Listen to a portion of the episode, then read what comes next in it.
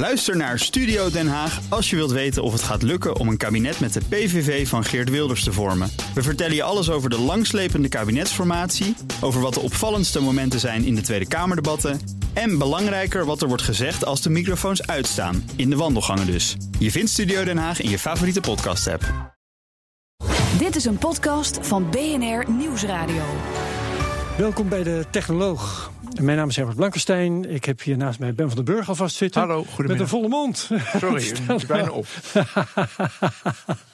heeft nog niet geluncht. Nee, ik heb niet geluncht, dus ik moest nog wat eten. Ik wil jou vragen, aan welke aflevering zijn we ook weer toe? Want jij weet het altijd. 27. 27. We gaan het hebben over ASML. Het pronkjuweel van de Nederlandse ICT-industrie. Fabrikant van machines om chips eh, mee te bakken.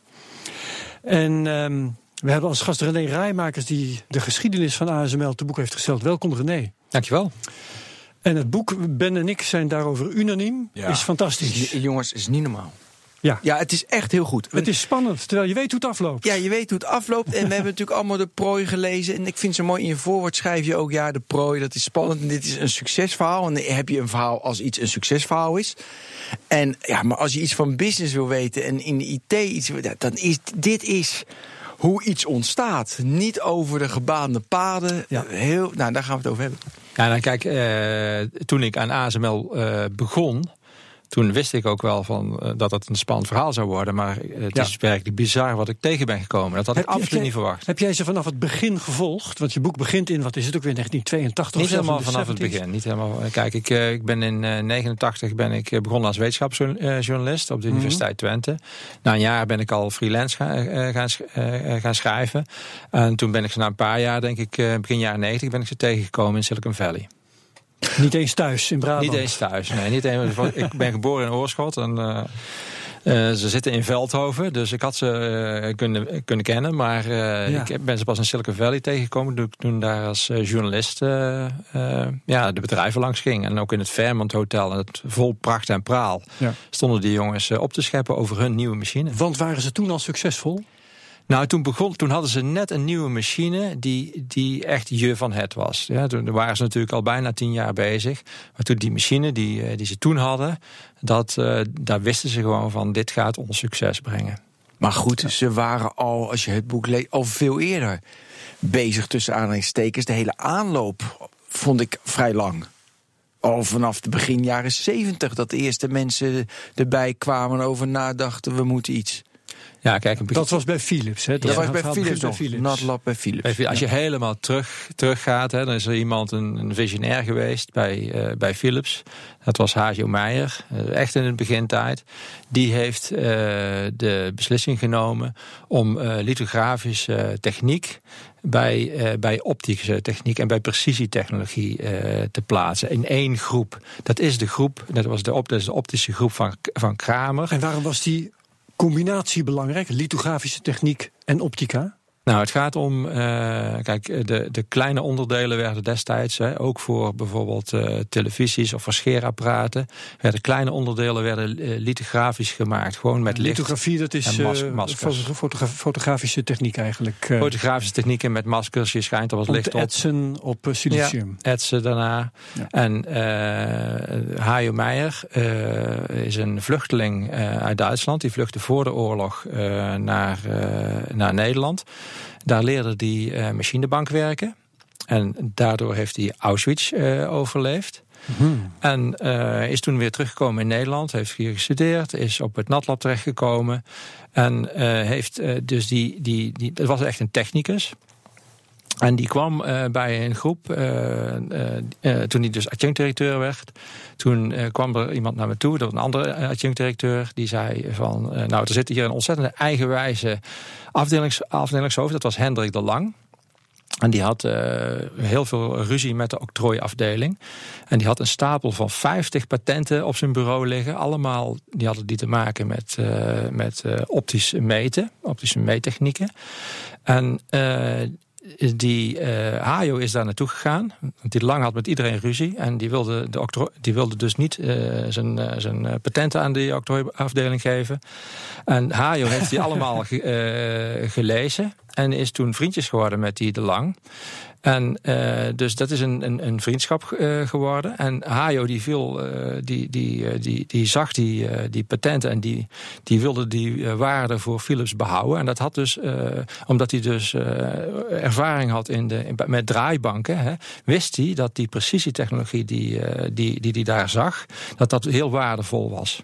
Ja, en dus het vooral was, in combinatie met elkaar. Dus ja, want als je, als je dus heel nauwkeurig kunt bewegen en dat kunt combineren met lithografische technieken, dan kun je dus uh, dan kun je bedenken dat je dan machines kunt maken die heel nauwkeurig onderdeeltjes kunnen plaatsen. Ja. We gaan eventjes, denk ik, uh, uh, een stukje vooruit, want we moeten zo snel, zo snel mogelijk bij ASML terechtkomen. Ja, okay. Op een gegeven moment was, er, was de techniek om een machine te bouwen die chips kon bakken. -hmm. Die was bij Philips aanwezig, maar Philips wou er zelf eigenlijk niks mee gaan doen. Nou, Philips, wat Philips, uh, Philips ontwikkelde wel, maar er, er, zaten te weinig mensen op. En er was niemand bij Philips die, uh, die, die, die, de markt op ging.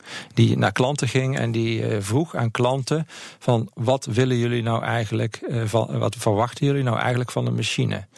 Hoe moeten wij die machine nou bouwen, zodat jullie er shit Dus het was product-driven. Echt Philips, je hebt een product, dat maak je zo goed mogelijk... en dat gooi je naar klanten. Dat was de basis. Ja, dat is al een bekend fenomeen bij Philips natuurlijk. Philips, ja. Geen marketing, Nog steeds, ja. geen product marketing. nee, we bieden nu licht aan. Nee, we, we bieden licht aan en geen gloeilamp. Of nu een ledlamp. Ja. Uiteindelijk is dat natuurlijk lastig voor ze. Dat, dat Want die cultuur zit er al tientallen jaren niet in. Dat zie je nog, nog steeds. Dus je hebt er natuurlijk, dus er zijn natuurlijk ook uitzonderingen. Maar uh, in ieder geval bij, bij ASML en de weversteppers was het, was het zo. Er ging niemand de markt op. Nee. En de eerste uh, directeur. Ja, je zegt nu bij ASML, maar we praten over een periode dat ASML er nog niet ja, was. Ja, net ervoor. Philips zat in zijn maag met die machines die ze konden bouwen. Ze hadden eigenlijk geen zin om, de, om daar zelf de markt mee op te gaan. Nou, ze, iedereen, die, al die techneuten die daar werkten, die wilden dat natuurlijk wel graag. Ja. Maar er was niemand die daar. Kijk, er was geen geld. Hè, dus stop, er was ze wilden er geen geld in stoppen. Nee. Dat was natuurlijk wel nee. geld. Maar kijk, de, er was destijds de, de directeur van SNI heeft de ontwikkeling van de stepper uh, in leven gehouden met een geheim geldpotje. Ja, de stepper is, is de bewuste machine. Dat is de bewuste ja. machine. En Wim Troost. Uh, nou, maar gezien dat geheime potje is wel interessant. Want dat leer je, zeg maar, businesswijs heel veel van. Hij maakte dus marge. Dat vond ik zo. Hij maakte ja, extra ja, marge. En dan van die extra marge, dat deed hij in een apart potje. En daarvan financierde hij het, toch? Ja, daarvoor kon hij dus kijken. Want niemand, al die uh, mededirecteuren, al die uh, afdelingshoofden. die wilden gewoon eigenlijk van die stepper af. Die vonden dat een, een, een, een geen kernactiviteit. Dus iedereen die wilde, die, die zei van ja, Wim, waar ben je nou mee bezig? Uh, ja. dat, is, dat is het niet waard. Hou je nou bezig met machines bouwen voor Philips, de fabrieken van Philips? Nou, Wim vond dat, dat de stepper daar ook toe behoorde en hield dat gewoon in leven. Ja, en dat was eigenlijk een hele visionaire houding. Want dat had het is anders gelopen. Maar dat had de kernactiviteit van Philips in de toekomst kunnen zijn. Uh, nou ja, natuurlijk, dat was natuurlijk ook. Het, ja, het, is, het was wel degelijk geen kernactiviteit, natuurlijk. Okay. Hè? Ja, maar het is wel een interessante vraag. Want je kan je wel afvragen: was het gewoon een bijproduct van ja, ik hou dat in leven, want ik vind het leuk? Of had die man al van nee jongens, dit is het, dit is het. Of was het een van zijn vele, want dat, want dat weet ik niet meer eigenlijk. Kijk, Wim, Wim, Wim Troost, die, die pakte eigenlijk alles aan. En die kon nergens nee, ja, nee tegen zeggen. Ja. En daar was, dus er was uh, eigenlijk geen visie hebben. Het was eigenlijk van, jammer. joh, het zit er een beetje bij en uh, ik vind het prima. Ja, dat, dat klopt, maar dat klopt. En ik denk dat dat, dat, dat zeker waar is. En, maar uh, als, als er één baby tussen al die machines was en tussen al die producten, dan was het toch wel de weverstepper. Kijk, Wim was... was was getrouwd met, op, op een gegeven moment met de weefstepper. Hè. Ja, maar je, je, de, de vraag is toch wel gewettigd. Laat je een bedrijf mee evolueren met de technieken die je ja, toevallig tegenkomt en die perspectief hebben?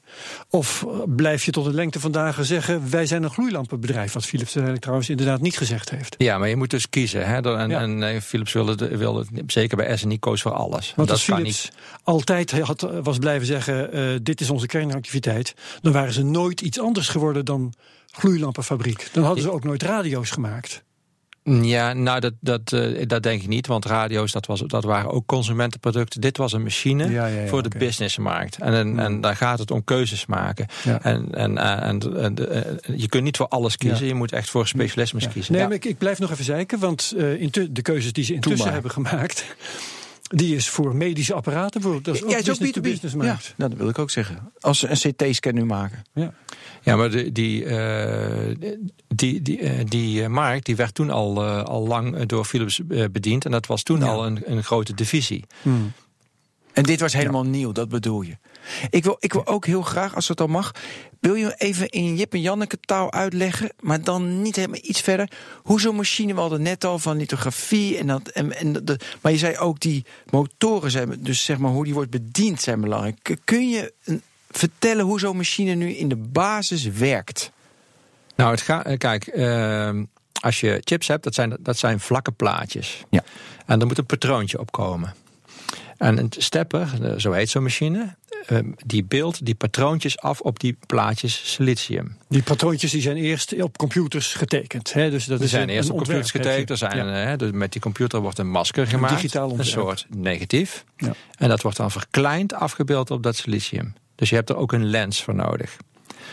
Nou, die dingen die zijn heel klein. Dus je moet ze ook nog zorgen dat dat heel nauwkeurig eh, erop komt. Ja, en dat het heel erg stil staat. Ja, en dat moet nog stilstaan. En dan moet je dat ook nog eens een keer snel doen. Dus je moet heel snel, plaatje voor plaatje... en dan gaat het om enkele vierkante centimeters Beschrijven, zeg maar. beschrijven. Dus in het begin werd dat erop geflitst. Hè? Dus er werd elke keer de machine die verplaatst de wever. Er is een flits, dan is er een patroontje, dan wordt die weer verplaatst, dan krijg je weer een flits. Ja. En dat moet dus heel snel achter elkaar, want eh, dat, is de, eh, dat, dat is het duurste proces, maar is ook het, het traagste proces in de chipfabriek. Ja, en jouw boek heet De Geldmachine. Dat is, eh, met als eh, gedachte, zo print je eigenlijk geld. Hè? Dat was een eh, manier Ja. om ontzettend veel geld te verdienen. Ja, en de eerste uitvinders, hè, de, de, de drie mannen die die machine hebben ontwikkeld, daar hebben ze maar eh, twee jaar of zo voor, over gedaan. Die hadden ook al het beeld van, nou, de, de dingen die hier uitkomen uit deze machine, en dat, die zijn zo waardevol. Het lijkt wel alsof wij met een machine bezig zijn die, geld, die straks geld kan drukken. Ja. Maar wonder, wonder. eh, de, de, de eerste eh 25 jaar heeft die machine dus alleen maar geld gekost. Ja, En, da- en daarom. eh, Dus die hadden de visie wel van eh, alles wordt in chips ja, als, die, en als, alles het, als IoT het, die, en die noem allemaal wisten, maar op. als, het, als dat zou lukken, dan, eh, dan zou dat gewoon een hele. eh, dat- eh, als die technologie zou doorbreken, dan zou dat, eh, dan zou dat veel geld eh, opleveren. Dus Ja. het, is, ze, het adagium was ook van ja, het maakt niet uit als wij heel veel geld eh, erin stoppen. Straks hebben we een machine die heel veel geld kan uitpoepen. Mhm. Maar hij, hij verbrandde dus. Kijk, ik- ik heb de titel geldmachine gekozen omdat die, die machine de eerste 20, 20, 25 jaar alleen maar geld verbrandde. Ja, verbranden omdat ze hem niet goed kregen en heet door, en heet door moesten ontwikkelen. Omdat ze er alleen maar geld in moesten stoppen om steeds weer eh, Om het beter te krijgen. een beter te krijgen, ja. ja, ja. ja. En Het is, het is, eh, je moet, eh, ja, eh, in, in die chipmarkt gaat alles eh, vooruit. Je moet blijven ontwikkelen en dat, dat kost handen voor geld. En als je dan niks verkoopt, dan is dat eh, Ja. geld weggegooid natuurlijk als je er op een gegeven moment mee stopt. En de overeenkomst is met bijvoorbeeld de vliegtuigindustrie. Hè? Elke generatie weer je hele bedrijf eh, ehm, eh, in de waagschaal stellen. Ja, en dat was, daar, zeg, ik, daar kom je bij de kern van eh, wat, de, wat de, de eerste directeur eh, eh, deed. hè. Gjalt Smit. Gjalt Smit. Was een vliegtuigbouwer. Hij heeft in de telecom gewerkt.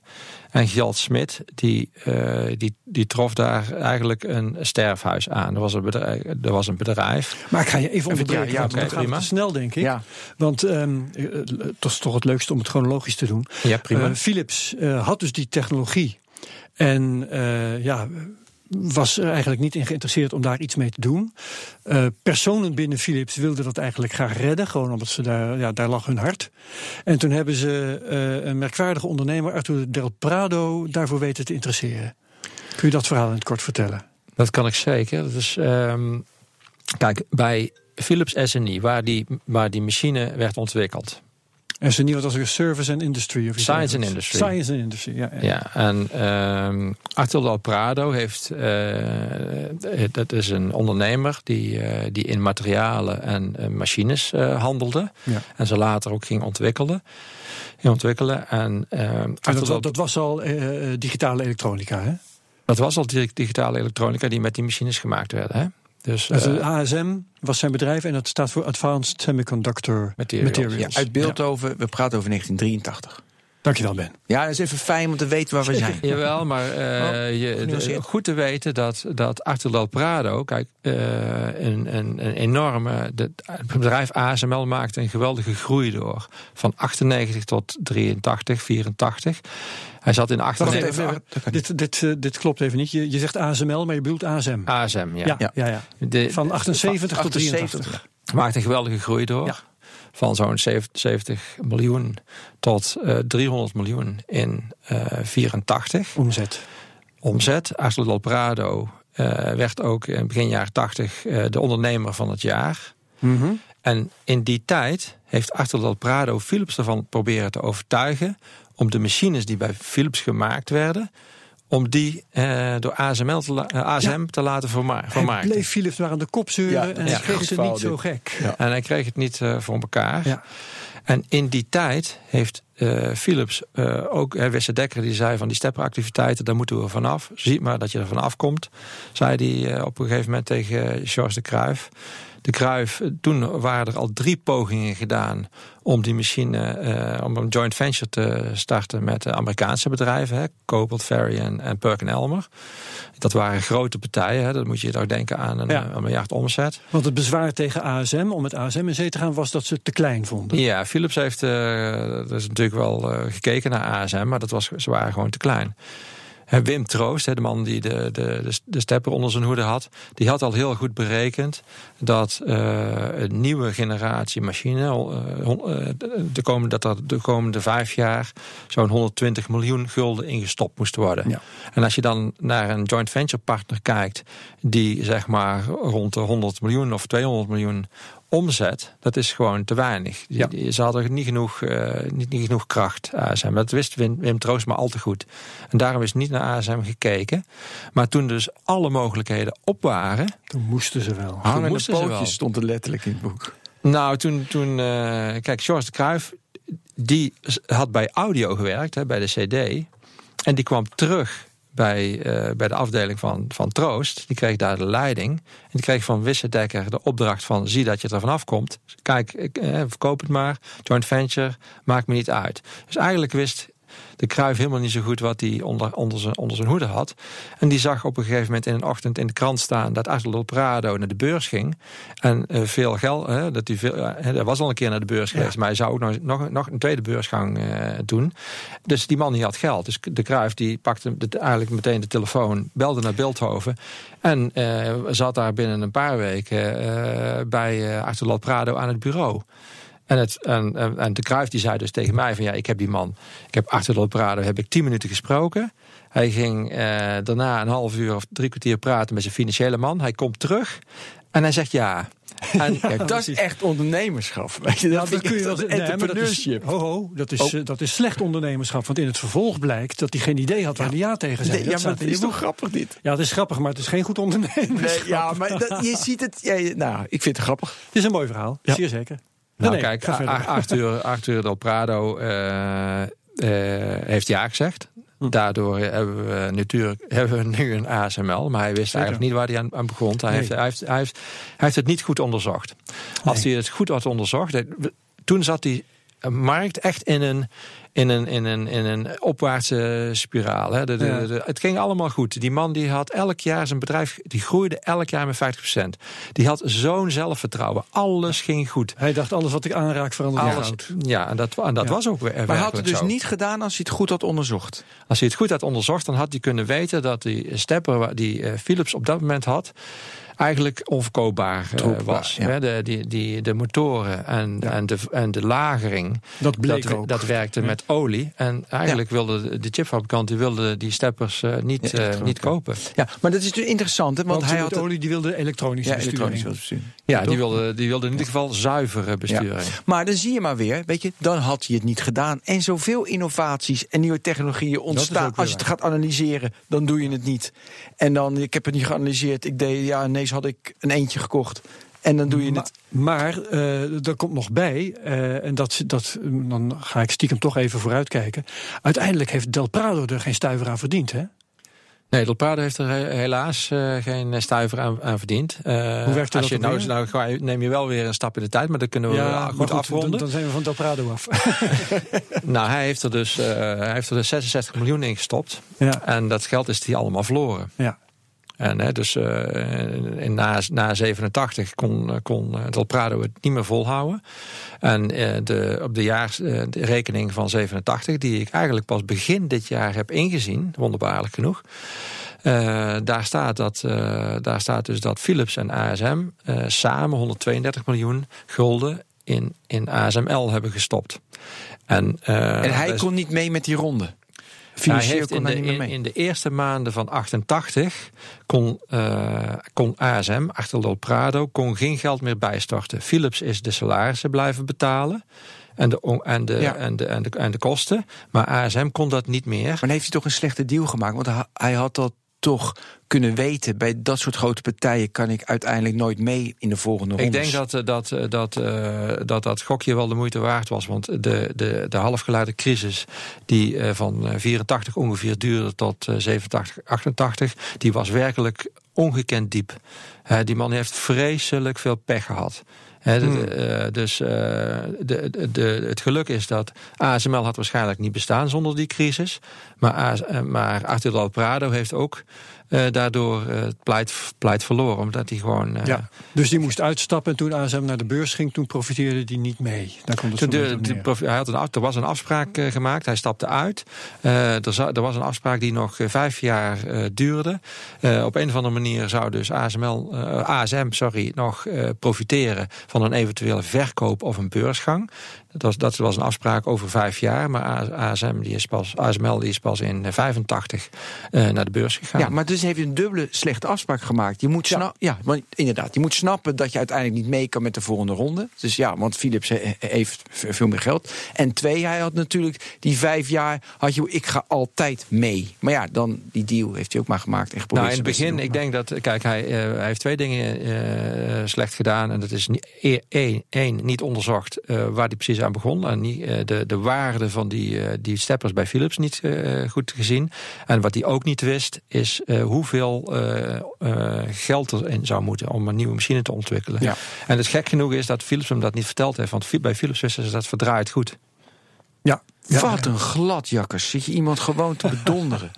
ja, ja, dat dat gebeurt in dat dat gebeurt, ja. dat snap je. Schandalig. Oké. Okay. We nou, zijn nu van de praten af. ja, kijk, kijk, kijk ik denk dat Wim Troost heeft daar wijzelijk zijn mond gehouden. Uh, ja. uh, uh, dat is hem niet, niet aan te rekenen. Het was, het was zijn baby. En hij had er op dat moment niet meer de leiding over. En ik denk dat hij, heeft, hij heeft wel Arturo Prado nog gewaarschuwd. Maar die heeft dat in de, is dat in de wind geslagen. Maar goed, Del Prado hapte dus toe. niet goed onderzocht. er ontstond een bedrijf dat uiteindelijk ASML is gaan heten. Ja. En uh, ja, dat is uh, tegen eigenlijk alle voortekenen in is dat, uh, is dat groot geworden. Kun jij in een paar woorden schetsen hoe ze uiteindelijk al, die, al die tegenwind het hoofd hebben geboden? Ja, nou, het begint natuurlijk met. Uh, kijk, toen, toen ik begon aan het boek, uh, de, de, eerste, de eerste verkennende gesprekken, toen vertelde, vertelde mij een, een, iemand dat ASML dat de, de, de ASML zoals het nu is, eigenlijk in de eerste maanden is bedacht. En dat kon ik als journalist natuurlijk, ja, dat, dat, dat kon ik niet geloven. En, uh, maar de eerste maanden van ASML? In de eerste maanden, dus 1 april is uh, 84, is ASML opgericht. En de, de cultuur uh, is, is, is toen in de eerste maanden Geschetst ontstaan. ook, uitgewerkt. Dus dat hebben ze echt bewust gedaan. Het is niet ontstaan, maar ze hebben, zeg maar, rationeel hebben ze de cultuur bepaald. Nou, wat ze wilden zijn. Ja, in de, in de, dat is in de eerste maanden bedacht. Dat is bijna, bijna niet te geloven. Uh, het is begonnen met uh, ASML, wat eigenlijk niks voorstelde. Gjalt Smit krijgt daar de leiding, weet ook niet waar hij aan begon. Heeft het ook, ook niet onderzocht? Wist, heeft het ook niet onderzocht. Ook geen idee. Ja. Nee, dus hij had al getekend en komt daar binnen, uh, bij wijze van spreken, en, en, en ziet dat hij leiding heeft over een uh, machinebedrijf. Hij gaat naar klanten. En die klanten die vertellen hem van sluit de deuren maar, hier hoef je niet aan, niet aan te beginnen. En op dat moment, en dan komen we weer terug bij die vliegtuigbouwer en die man die bij, aan telecomcentrales heeft gewerkt. Hij hoort, op, in, hij gaat naar Silicon Valley toe. Eh, hij bezoekt daar een, een machinebouwbeurs. En hij, uh, hij hoort er dus van, uh, daar sluit de tent maar, want er zijn marktleiders die wij, waar wij veel liever kopen. En jullie hebben geen machines. Hij ja, ja dus de nieuwe CEO, hè? De nieuwe CEO. er waren toen tien leveranciers van steppers. En um, ASML stond helemaal onderaan. die hadden gewoon geen machine in de markt. Maar die hadden ook, konden ook geen machine leveren. Die hadden ze gewoon niet. In ieder geval geen werkende. Dus uh, die klanten die hadden ook helemaal gelijk dat ze tegen geld zeiden van nou... Uh, het heeft geen zin. Het heeft totaal geen zin. Maar op die beurs heeft hij ook ideeën opgepikt. Hij zag daar dat er een nieuwe generatie machine voor een een nieuwe generatie oh chips ontwikkeld moest worden, de VLSI-generatie. En hij zag dus dat ook de marktleiders niet over zo'n machine beschikten. En hij zag een kans om voor ASML om binnenkomen in die, binnen te komen in die markt. En uh, hij had te maken met nauwkeurige besturing, hè, die hij dacht te kunnen maken. Ja, onder andere. Maar uh, er moet een complexere machine komen. En hij had de ervaring uit de vliegtuigbouw en uit de telecom. Hè. Steeds als je een stap moet maken in complexiteit, maar ook in investeringen, dan heeft iedereen het moeilijk. Ja. En dat is de, e-, het enige moment waarop je binnen kunt komen als nieuwkomer. als er gevestigde partijen zijn in een markt, is dat een moment waarop je een kans maakt dat je binnen kunt komen in zo'n markt. Window of opportunity. Ja, en dat is dan voor een technisch, technologisch bedrijf betekende dat dat hij binnen twee jaar een machine moest maken. Maar wat is het verband, want daar ging Ben zijn vraag over, met die cultuur? die uh, in die tijd ja, is die bedacht. Ja, precies. Die is nou, daarmee toen Geld uh, wist dat hij die nieuwe machine, uh, dat die machine nodig was, had hij dus ook een doel voor zijn mensen. Hij kon tegen die mensen zeggen van, ja jongens, we zijn op dit moment stellen we niks voor, maar we hebben fantastische technologie van Philips. Het is op dit moment is die machine van ons nog niet genoeg. We moeten er een heleboel dingen aan veranderen. Maar als we daarin slagen in twee jaar tijd, hè, dus A, dat had hij dus een doel. als we daarin slagen, dan uh, hebben wij een kans in de markt en dan kunnen we lekker gaan winnen. Dus, oké, dus ze zaten in Eindhoven met hoeveel man uh, zaten ze? Nou, ze begonnen met 50 en dat is dus in een paar maanden tijd. En dat heeft dus die cultuuromslag ja? heeft dat ook mede bewerkstelligd. In, in september waren, kwamen er al uh, weer 100 bij. Hè? 100 bij. Ja. En waar kwam het geld vandaan? Dus van ASM en van Philips. En van Philips in eerste instantie. Ze, hadden, ze hebben allebei, uh, in, om te beginnen, uh, eh, 7,5 miljoen betaald. Philips betaalde dat eigenlijk in oude machines. Hè, die, die heeft eigenlijk niet... Uh, het is oude, oude onverkoopbare machines. Die, Philips komt hier niet goed weg vandaag. Nee, nee, nee. nee, te meer omdat... Want ik blijf nog even hameren op die cultuur waar jij Ja, ja heel belangrijk nog. Straks ook verder nog. Jij zegt, René, er kwamen 100 mensen bij. effect daarvan was dat de oude Philips-medewerkers met hun CAO-denkraam, ja. die waren opeens in de minderheid. Dat was volgens mij heel essentieel. Dat, dat was inderdaad uh, essentieel. Maar uh, wat, uh, wat. Want 9 to 5 konden ze niet gebruiken. Zeker, maar een, een groot deel. Hè, bij, die, bij, die, bij die eerste 50, daar zat alle kennis. Ja. En ook zij, uh, ook Gjalt Smit is er ook in geslaagd om hen te overtuigen van die nieuwe kans.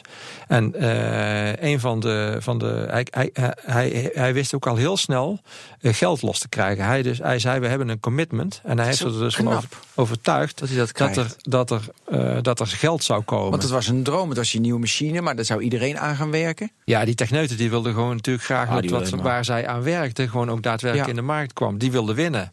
Hey, en hadden ze zo simpel in. Nu is het natuurlijk anders, maar hadden ze 50 man. Dat is in deze tijd zeg maar 5 miljoen heb je dan nodig voor een jaar. Heb je 10 miljoen nodig voor twee jaar. Uh, was dat ook zo simpel uitgerekend? Toen iets minder natuurlijk. Want je zegt 7,5 miljoen hadden ze beide ingestopt. Heb je 15 miljoen. Is het alleen maar personeelskosten? Of bij zo'n machine moet je ook heel veel materialen, die zijn ook duur. Nou, het zijn, het zijn, vooral, uh, het zijn vooral personeelskosten. personeelskosten dus uh, ja. na drie jaar hadden ze 300 mensen. En dat, is, dat krijg je natuurlijk. Dat kost heel veel geld. Ja. Dus maar vooral die, die cultuur, kun jij die in een paar woorden omschrijven? Wat was dat voor een cultuur die toen is gesticht en die je nu nog terugziet? Nou, dat heeft, ook, dat heeft toch met, met dat doel te maken. Ze, hadden allemaal, ze wisten allemaal waar ze naartoe, eh, naartoe gingen. Ze moesten namelijk die machine eh, maken. En eh, techneuten we, eh, doen dat nu eenmaal graag. Hè? Dus er zijn eigenwijze techneuten, die willen gewoon hun ding doen. Die willen dingen uitvinden, die willen dingen werkend krijgen, dat het gaat lopen. Hè? En dan zijn ze desnoods bereid om de nacht door te werken. En ja, en dat gebeurde lang. ook eh, die eerste jaren. Ja, Daar, werd gewoon s'nachts eh af en toe doorgewerkt.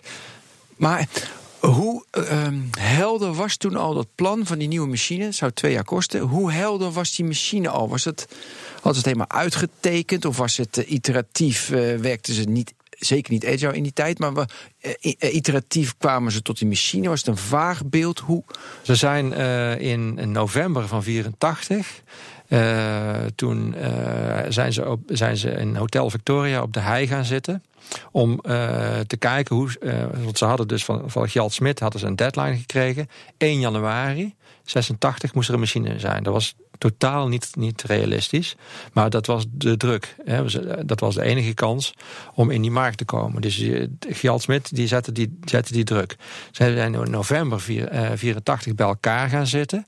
Om, eh, om, om eh, te kijken van hoe ze dat voor elkaar zouden krijgen. En toen kwam Gjalt Smit nog van een beurs op het laatste moment binnen.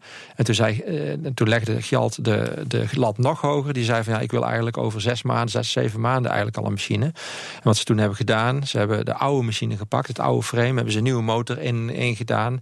En toen he- zijn ze erin geslaagd om in ieder geval hun principes, hè, die Ja, technologische voordelen van po- positioneren en een snelle motor, want die lag al op NatLab. Hm. Hebben ze in, die, in, die- in het oude frame gebouwd. Toen konden ze in mei 85 konden ze al iets laten zien. En wat was het drukmiddel van Smit? Want hij zegt, dan moet het af zijn. En die, ja, die ingenieurs denken, ja, ik werk ook maar dag en nacht. Dus werden ze goed betaald? Kregen ze aandelen? Hoe? Over Nou, dat- het is ook cultuur, hè? Nou, dat, is dus, dat heeft eh, gewoon met eh, persoonlijkheid te maken, volgens mij.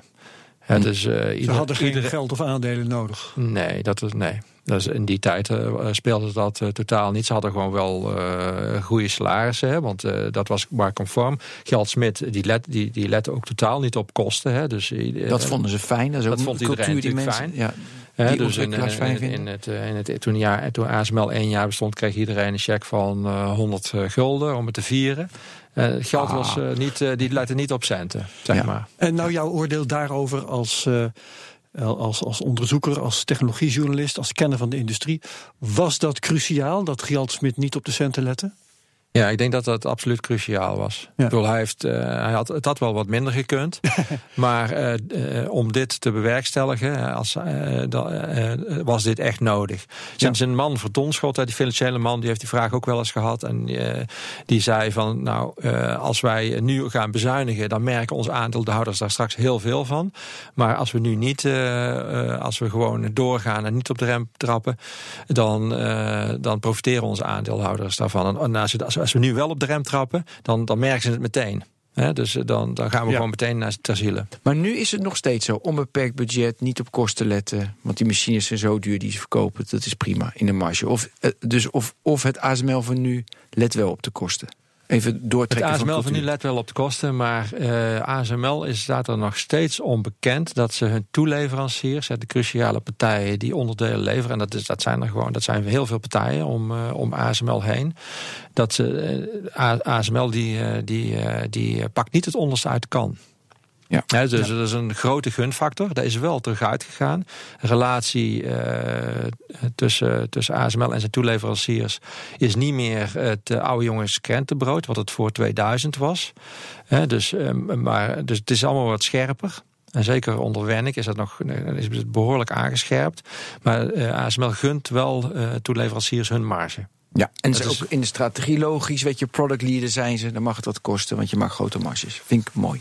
Ja, ja. Die Gjalt Smit was dus een eh, harde, maar wel visionaire leider. Mag je dat zeggen? ja hij was absoluut visionair. Ja. Ja, ja, ja. En jij zegt geloof ik ook, eh, eh, ASML had niet één, maar had wel drie Steve Jobsen. Ja, kijk, Gjalt Smit is natuurlijk iemand die, die er lekker hard tegenaan ging. Ja, Hè, er werd door de, de, de, de oude uitvinder Herman van Heek Uh, toen die daar nog rondliep, werd er naar hem verlezen, uh, verwezen als de hogere le le legerleiding. Hè.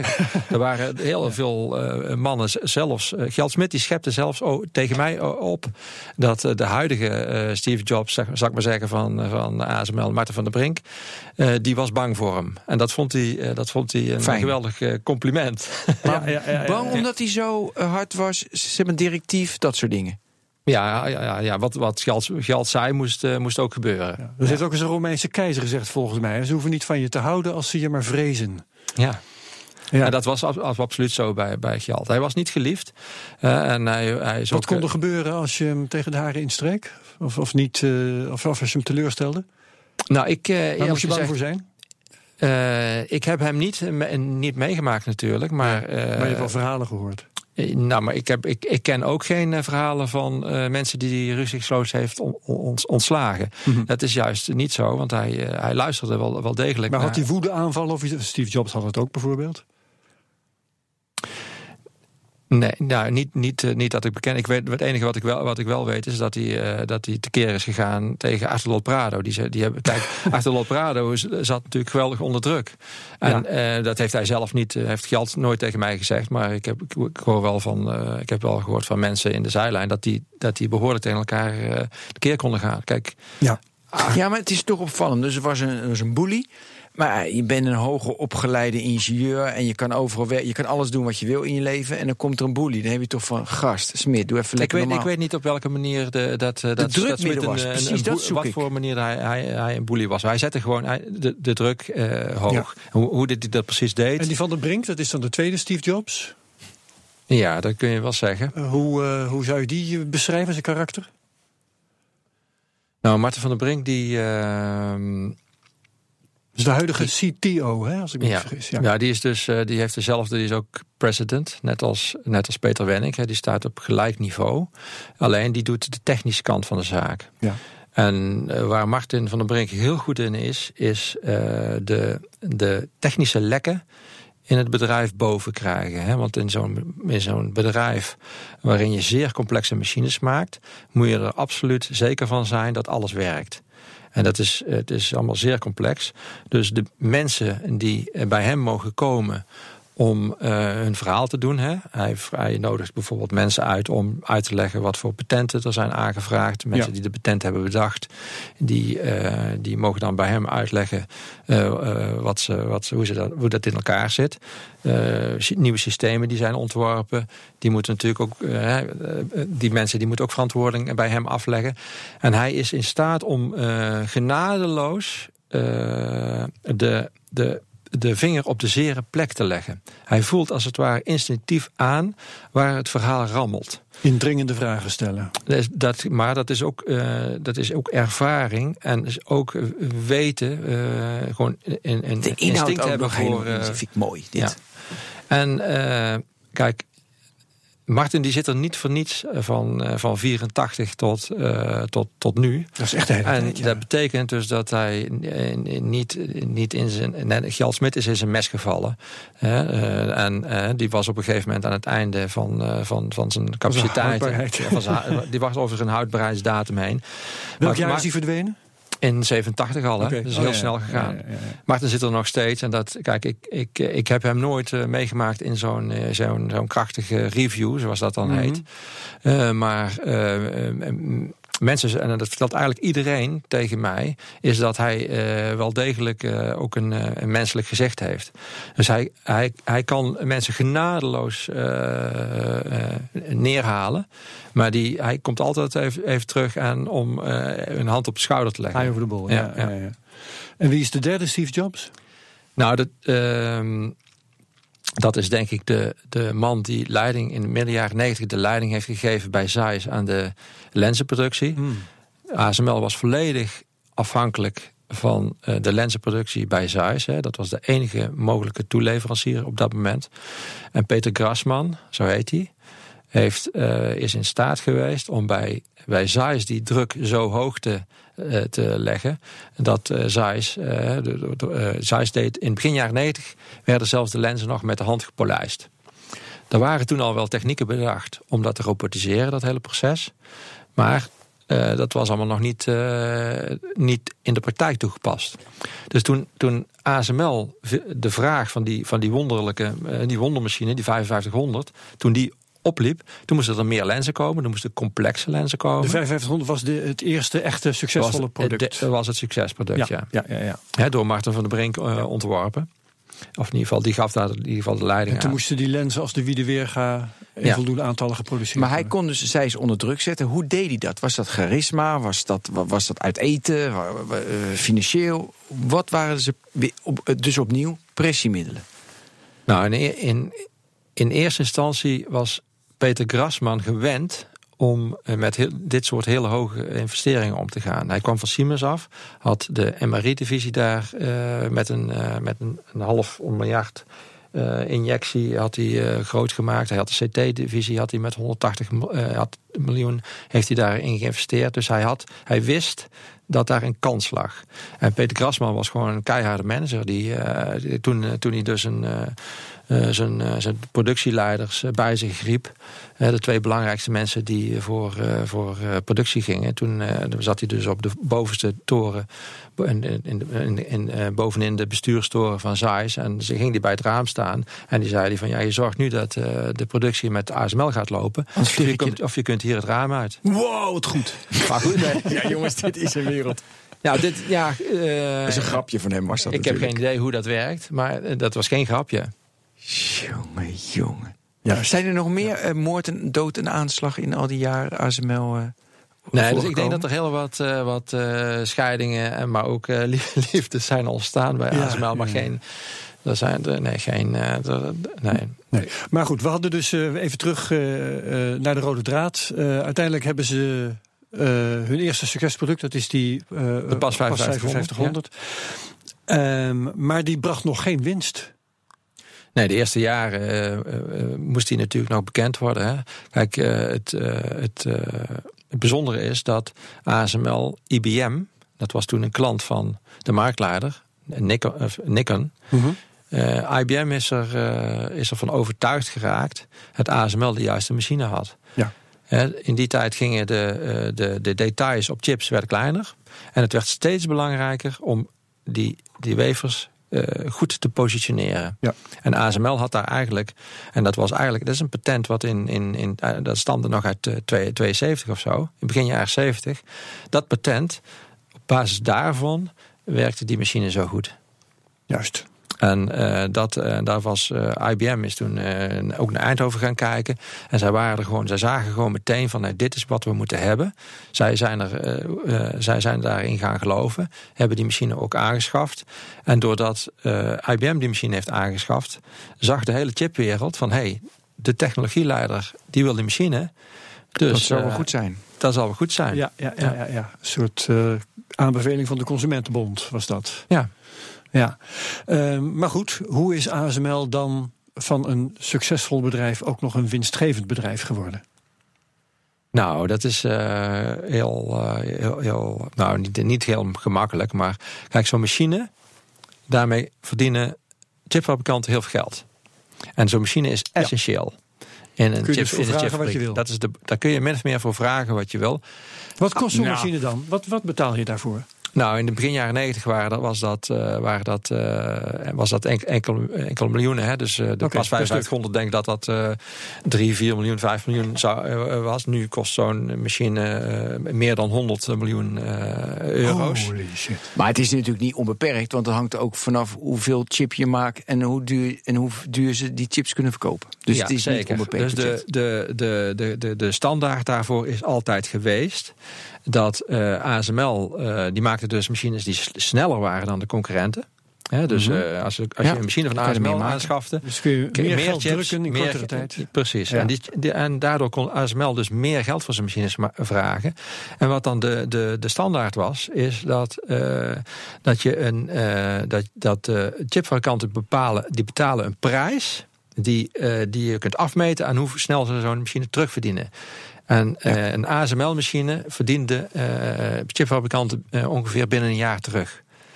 En dan daarna had je hem als het ware gratis. Ja. En dat is nog steeds zo? Die- Ik vermoed, en dat is nog steeds zo bij de, bij de, bij de, de immersiemachines, zoals dat nu heet. Dat moet je straks ook nog even Ik- beter uitleggen. Ik denk, ja, nou, ik, denk dat, eh, de, ik denk dat het bij de, de, de EUV-machine niet meer, niet meer zo is. Die zullen chipfabrikanten wel over. Wacht die zijn zo EUV? duur. Dus dit zijn afkortingen die. eh, Ja, we moeten even die moeten twee nog uitleggen. Het is wel, wel gaaf. Er is, natuurlijk, er is nu een nieuwe eh, technologie om chips af te beelden. Ja. Dat, is, dat doen ze met. eh, met Oh, EUV zei je, extreem ultraviolet. Dat is het. En, Juist, ja, en dat lijkt is een beetje op röntgenstraal Lichtsoort die gebruikt wordt om die afbeeldingen te maken nu. te, eh, te maken. Ja. Dat is behoorlijk geavanceerd en heel moeilijk. Want korte golflengte, grote nauwkeurigheid. Ja. En eh, nou, die machines die kosten meer dan 100 miljoen. En, En hoe, gaan, hoe lang gaan ze mee? nou, die, de, kijk, de machines die, eh, die ASML in het begin eh, maakte. Ja. In, in 86, 87, daar, die draaien nu nog steeds in fabrieken. Dus ik denk dat ze ja, nog wel eh 10, jeetje. 20 jaar meegaan. En, en waarom is nog steeds chips? En waar, waarom is het BIS-model van ASML... ehm, ik, ma- ik leef een machine, ik ben klaar. Waarom niet eh, chips as a service? Dus making chips Nou, dat, zo is dat ook. Kijk, ASML heeft eh, dat soort afspraken in het begin al gemaakt. Wat dat betreft zijn ze absoluut pionier. Want wat ze deden is, eh, ze leverden Micron bijvoorbeeld of eh, TSMC, waar, dat waren klanten van hun. En zij maakten, kijk, als een machine uitvalt, is dat niet goed. Want dat, dat, dat kost meteen heel veel geld. Dus zij maakten met, met Micron bijvoorbeeld afspraken. Ze zeiden van nou, betaal, betaal 80% van de prijs. En die overige 20% en misschien wel meer. Die, eh, die, die, die, eh, als, je, als die machine nou nooit eh, stilstaat, dan, krijg je, dan krijgen wij een soort premie daar, daar, daarop. Dus Michael, we maakten gewoon een afspraak op basis van prestatie. Mooi. En dat doen ze nog steeds. Dat doen ze nog steeds, ja. Ja. Ja. Oké. Ja. En, maar ik wil toch even over die cultuur, want dat vind ik toch interessant. Ja. Jij zei die cultuur, want als ik duidelijke doelstelling. Ze zijn uh, roekzichtloos, loos, want ze zijn hard, weet je wel? Ja, er is een open. Kijk, dat is een, dat is een, een, een open. ehm, het is, er is een hele open eh, cultuur daar. Anders, eh, je moet, je moet die alle fouten, eh, je moet fouten voorkomen. En dat kun je alleen doen door heel rechtstreeks te communiceren. hè. En open. Zie je, dus dat hebben ze nog steeds. Nou, hartstikke mooi. Zie jij in andere, in, weet je, ik denk heel erg aan Facebook, Google, weet je, een andere cultuur. Herken je daar dingen in als je die. Want ik vind dat. Ja, ik herken dat niet direct. Ja, wel open misschien. Maar is het zeg maar als. Is het een template geworden voor de cultuur in de technologiewereld? Nou, ik denk Is dat het een dat, blauwdruk? dat, dat, eh, dat dat zeker in de regio Eindhoven zo is. Daar dient eh, ASML als voorbeeld. En ik, je kunt, ik denk dat, dat je best wel kunt zeggen dat, dat, dat die cultuur ook is doorgedrongen in andere grote high-tech bedrijven. Net ook, ook zelfs bij Philips hoor. Maar niet wereldwijd. En ik denk dat, dat je als technologiebedrijf, als je echt hardware hebt, elektronica, software, als dat allemaal bij elkaar moet, dat je er niet onderuit komt om echt, eh, echt te zorgen dat je, dat je ja, gewoon weet wat je doet. Ja. En dan moet je open communiceren. Je kunt, niet- je kunt niet wegduiken. Dat, eh, dat, Ja, ja dat is waar. Ehm, jouw boek eindigt in 1996. Ja. Waarom? Het eindigt in 96 omdat ik al zeven jaar bezig was. Moest een keer een punt gezet Nou, hebben. ik moest ergens een punt zetten. En, eh, en, ehm, en eh, kijk, de, beursgang is een moment waarop ASM, eh, ASML verandert van een bedrijf wat geen geld heeft en altijd alle, alle de, touwtjes aan elkaar moet vastklopen. Mhm. Knopen in een bedrijf wat in één keer eh, goed in het geld zit. Ze hebben, Ja. inderdaad, ze hebben in één keer 100 miljoen op de bank. Ze hebben kredietlijnen van Die 100 bij twee banken. van de beursgang. Ja, ja, ja, ja. Ze hebben dus wat extra aandelen ook eh, uit mogen schrijven van Philips om er zelf eh, in- wat in kast te hebben. En ze hebben, ehm, ze, hadden, ze hebben bij beide banken, die dus geholpen hebben bij de, bij de beursgang, hebben ze, eh, hadden ze kredietlijnen van ieder eh, 100 miljoen. En dan heb je een redelijk, eh, dan kun je redelijk safe Ja. de toekomst in. Ja, ja, ja. oké. maar er komt nog een vervolg. Want uh, het klinkt een beetje alsof... Dat is in ieder geval mijn, mijn zeker mijn plan. Want kunt, uh, ik denk dat de verhalen die daarna komen nog zelfs wat spannender uh, nou, ja, dat, ik, wou, ik wou net zeggen, is het sindsdien business as usual... gewoon machines poepen en, en die machines chips laten poepen... en verder het geld ervoor. Maar er, er liggen nog verhalen, begrijp ik? Er liggen nog heel veel verhalen, ja. Ja, ja, ja. nou dat is zeer veelbelovend. Waarom heb jij twee... Want je hebt twee versies, hè? Een, een, wat is een publieksversie en een management versie. Ja, ik ben, ik ben techniekjournalist, hè, dus ik schrijf ook voor bladen eh, met, met een eh, technische invalshoek. Dus uh, mijn eigen blad, uh, Bits Chips en Mechatronica en, machinebouw, daarin, die, die zijn vooral gericht op ingenieurs. Dus ik ben gewend om uh, daar een, een, technische touch in, in, te geven. En um, en wat ik, dus het is, veel, het is makkelijk om dan in die, in die modus te blijven. Dus ik heb gewoon het technische verhaal helemaal opgeschreven. En toen een eindredacteur gevraagd van ja, sloop, sloop er alle technische, technische dingen uit. En maak er een, een versie van die iedereen zou uh, moeten kunnen lezen. Ja. ja. Uh, kan ASML zo jaren nog vooruit? Gewoon de... Nou, de eerste tien jaar sowieso. Dus, dus die stip op die horizon, hè, net als in 84. Dus tien jaar vanaf, vanaf, nu? Vanaf uh, nu, ja, ik wil even... ja, ja, ja. Van, uh, dus die, uh, kijk, ze hebben nu vorig jaar geloof ik iets van duizend mensen weer aangenomen. Nou, dat kun je natuurlijk al, dat kun je alleen maar doen als je die stip op de horizon als die En daar komt het totaal op? Aantal werknemers?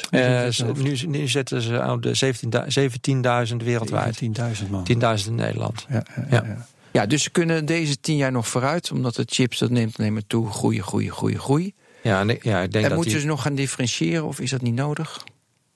Nou, ze hebben uh, de afgelopen uh, tien jaar, uh, misschien iets verder terug, hebben ze verschillende pogingen gedaan om te differentiëren. En die zijn steeds stopgezet. Dus ze hebben geprobeerd om een stepper te maken die uh, het zogenaamde maskerloze stepper.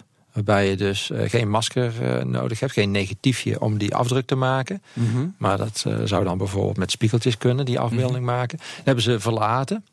Ze hebben ook een LCD-machine proberen te maken. Dus Nikon en Canon die maken bijvoorbeeld machines om LCD-schermen te, te, lithografie voor LCD-schermen. En dat hebben ze ook uh, stopgezet, omdat, omdat ze gewoon die dat geld wilden gebruiken om, om, om nieuwe, nieuwe technologie te ontwikkelen. Dus nieuwe bestaande steppertechnologie. Dus immersie en de, die nieuwe EUV-technologie. Ja, vaak als een bedrijf zo een monopolie heeft, dan, dan gaan weet je, dan word je lui naar je leveranciers toe en naar klanten toe. Je wordt arrogant. Dat zie je vaak gebeuren. Je vergeet je, concurrenten op tijd te spotten. Je vergeet concurrenten spotten. Maar dat soort elementen. Zie je, zie je daar tekenen van? Nee, ik zie daar helemaal geen tekenen van. Ze blijven heel Als ik eerlijk ben, eh, de, ja, ze realiseren zich dat uh, verdraaid goed. Ja. ja. Waar zijn ze echt, echt slecht in? Nou, waar ze, wat, waar ze wat beter zouden kunnen doen is denk ik... Uh, Zo kan je het ook formuleren, ja. Is, uh, kijk, in, voor 2000 was, daar, was er een, een, een, denk ik toch een betere verstandhouding met de toeleveranciers. Het is, uh, het is toch, de cultuur is op dat punt behoorlijk verhard de inkoop uh, bij ASML, daar zitten, uh, er zitten partijen tussen die, die profiteren van het uitknijpen van de toeleverancier. Oh, gadverdamme. Nou ja, goed. Dit is gewoon business natuurlijk. Nee, maar, nee, nee, nee. Je moet iedereen laten leven op aarde, jongens. Nou, die, dat realiseert ASML zich ook wel. Maar ik, ik denk dat ze dat, dat, dat, dat, dat op dit moment. Uh, als ik zo in de toeleverindustrie dat beluister. Er zijn heel veel toeleveranciers die zeggen van nou. Maar ASML gunt onze, onze marge en het is prima zo. Maar het is wel, wel degelijk uh, zo dat ook de, dat, dat, dat uh, tarieven uitgeknepen worden. Ja, als je, als je beursgenoteerd bent, dan is het toch ja, ook een natuurwet. Hè? Dat, dat ja. op een gegeven moment moet je de winst gaan maximaliseren. Dat eisen de aandeelhouders. Ja, maar dan moet je zo'n sterke CEO zijn. Zeg van, ik zal wel zorgen voor een rendement in je hok en uh, mond houden. Maar goed, dat is uh, ook weer een ander verhaal. Ja, René zit minzaam te kijken. Ik, ja, ik, nou, ik, weet, ik weet niet of het... Nou, kijk, ja, de, de, ik weet niet of het veel uitmaakt. Ik bedoel, uh, het, het, het, gaat wel vaak om kleine bedragen. Als ik zo uh, om me heen uh, luister, dan, is het, dan, dan, dan levert dat uitknijpen van toeleveranciers ook weer niet zo heel erg nee, veel op. Hè? Nee, daarom. wat, is de wat is de beperking? Dus waar, waar worden ze door tegengehouden? In, dat, ze, dat zij natuurlijk personeel moeten ze vinden, weet ik. Maar kun je nog meer dingen geven van dat ze nog. Wat is de rem op dit moment? Kun je Kun je een vraag iets, iets ja, beter stellen? Ik bedoel ermee, ja, ik, ik, ik, ik, zoek ook. Nee, maar kijk, vaak is het zo, als je, als je bijvoorbeeld onbeperkt personeel, eh, de intelligentie van mensen... Wat is de beperkende factor? Wat is de beperkende factor voor ASML? En dat is, weet ik... Is dat mensen, is of is mensen, dat geld, kapitaal denk ik nu niet. Of is het slimheid van mensen? De, de, de, of is het technologie, de vraag uit de markt? Ik denk dat de grote beperkende factor is, is, communicatie. De, de mensen, er, er werken intussen heel veel mensen.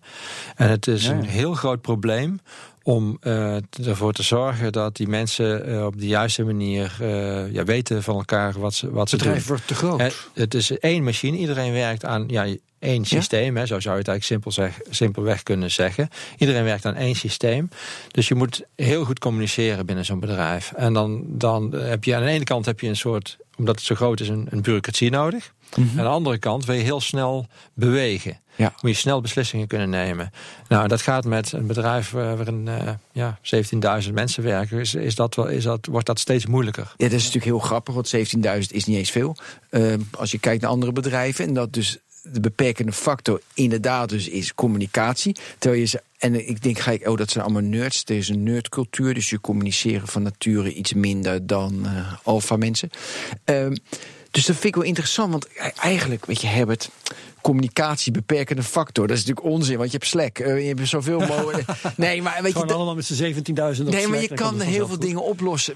Dus dat vind ik best wel een opvallende beperkende factor. Vind ik heel erg interessant. Als je ziet, uh, ik geloof dat jij laatst in dat, in dat nieuwe centrum bent geweest. Ja, Daar ik ben laatst ja. ook uh, nieuwe dingen zien. Hoe ze, hoe ze dus hoe de ASML-medewerkers beter met elkaar in contact ja. kunnen ja. komen.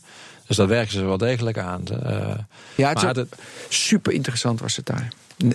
In het mediacentrum bij ASML. Ik heb nog een vraag. Um, want we, over de technologie. Mm -hmm. He, nu is het dus de extreem ultraviolet technologie. Mm -hmm. Waar ze geld mee verdienen, wat ja. goed gaat. Ja. Waar ze een monopolie Ja, daar beginnen ze nu geld mee te verdienen. Hè? De... Ja. Um, maar dat is op een keer uitgewerkt. Er moet er een opvolger zijn. Daar moet nu al over worden nagedacht. Is zo'n opvolger er? En gaan nee, ze daar... is, uh, is, er niet. Hè? Dus, uh, tenminste, volgens mij is die er niet. Er, er, er komen nog een aantal generaties machines. Uh, die, dat, die het met het, ultraviolet, het extreem ultraviolet licht. Ze kunnen daar doen. nog wel even mee vooruit. Ze kunnen er mee vooruit. dus die stip op de horizon die staat er wel. Dus mm -hmm. de horizon is nog steeds tien jaar verder. Maar daarna is het, wordt het al wat moeilijker. Hè? Ja, maar ik neem aan dat ze daar toch wel naar zoeken. Ik kan me niet voorstellen dat ASML, uh, ASML op zijn lauweren rust en denkt van nou, we hoeven even niks. Nee, maar ik, ik ben er wel van overtuigd dat ze. Kijk, uh, ze zitten daar met zoveel uh, creatieve en slimme mensen. Ja, 17.000. Ja. Nou. maar ja, ze communiceren niet. Nou, oké. Okay, nee. maar ik vind het interessant, want is die. Want ik zie wat ik nu hoor wel. Is het optimaliseren van het maken van die chip. Ja? Daar gaat het om. Ja. Daar gaat het om.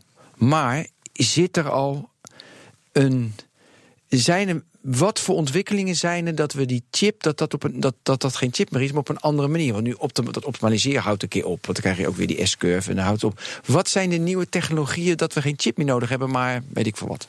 Nou, het krimpen van de details houdt, uh, houdt op, op een gegeven moment echt op. Ja, maar dan, dan kun je ook nog, al, nog alle kanten in. Je kunt ook nog in, in de hoogte uh, dingen doen. En, uh, hè, dus er zijn allerlei.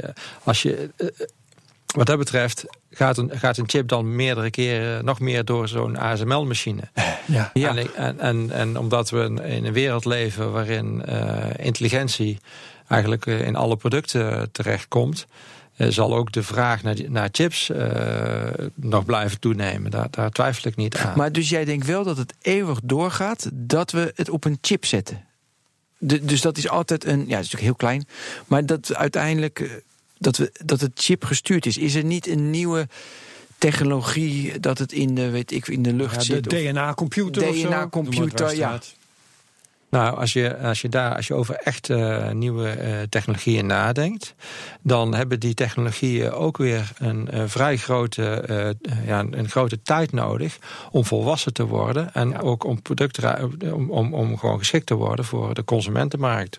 Ja, tuurlijk. Dus er is niet als, als het in, in, in 2030 uh, bijvoorbeeld echt uh, de wet van Moore zeg maar, uh, ophoudt, hè, die, dat krimpen van die details, dan zul je niet van, van, de, van het ene decennium op zelfs het ene decennium op het andere decennium niet opeens bijvoorbeeld naar DNA-chips of zo gaan. Wat, Zijn ze er mee bezig of was het zomaar een. Nou, de DNA-computer, joh, daar, daar, werd in de jaren tachtig al over gesproken okay. toen ASML nog moest ja. ontstaan, zo ongeveer. Ja. En dat schiet ook niet erg op. Hè?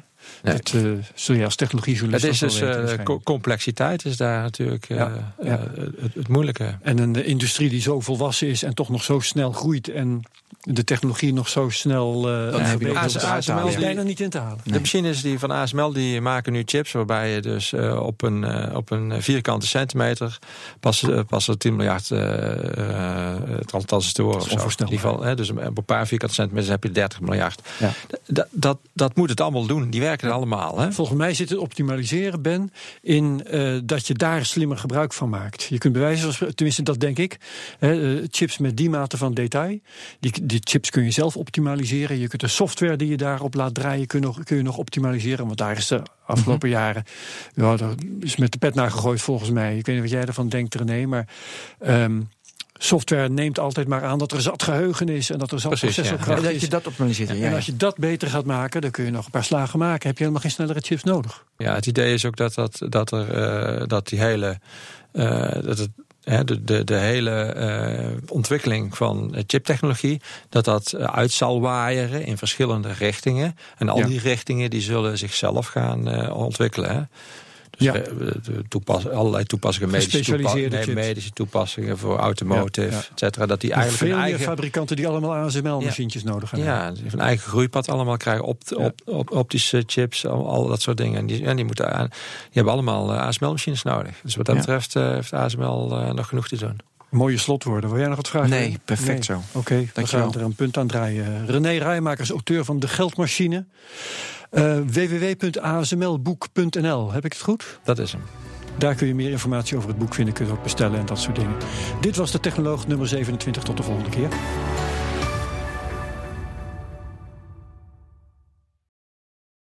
Ook Hugo Reitsma vind je in de BNR-app. Superhandig die BNR-app. Je kunt alle programma's live luisteren, breaking nieuwsmeldingen. Je blijft op de hoogte van het laatste zakelijke nieuws. En je vindt er alle BNR-podcasts, waaronder natuurlijk de belangrijkste, Boeken zijn in de wijk.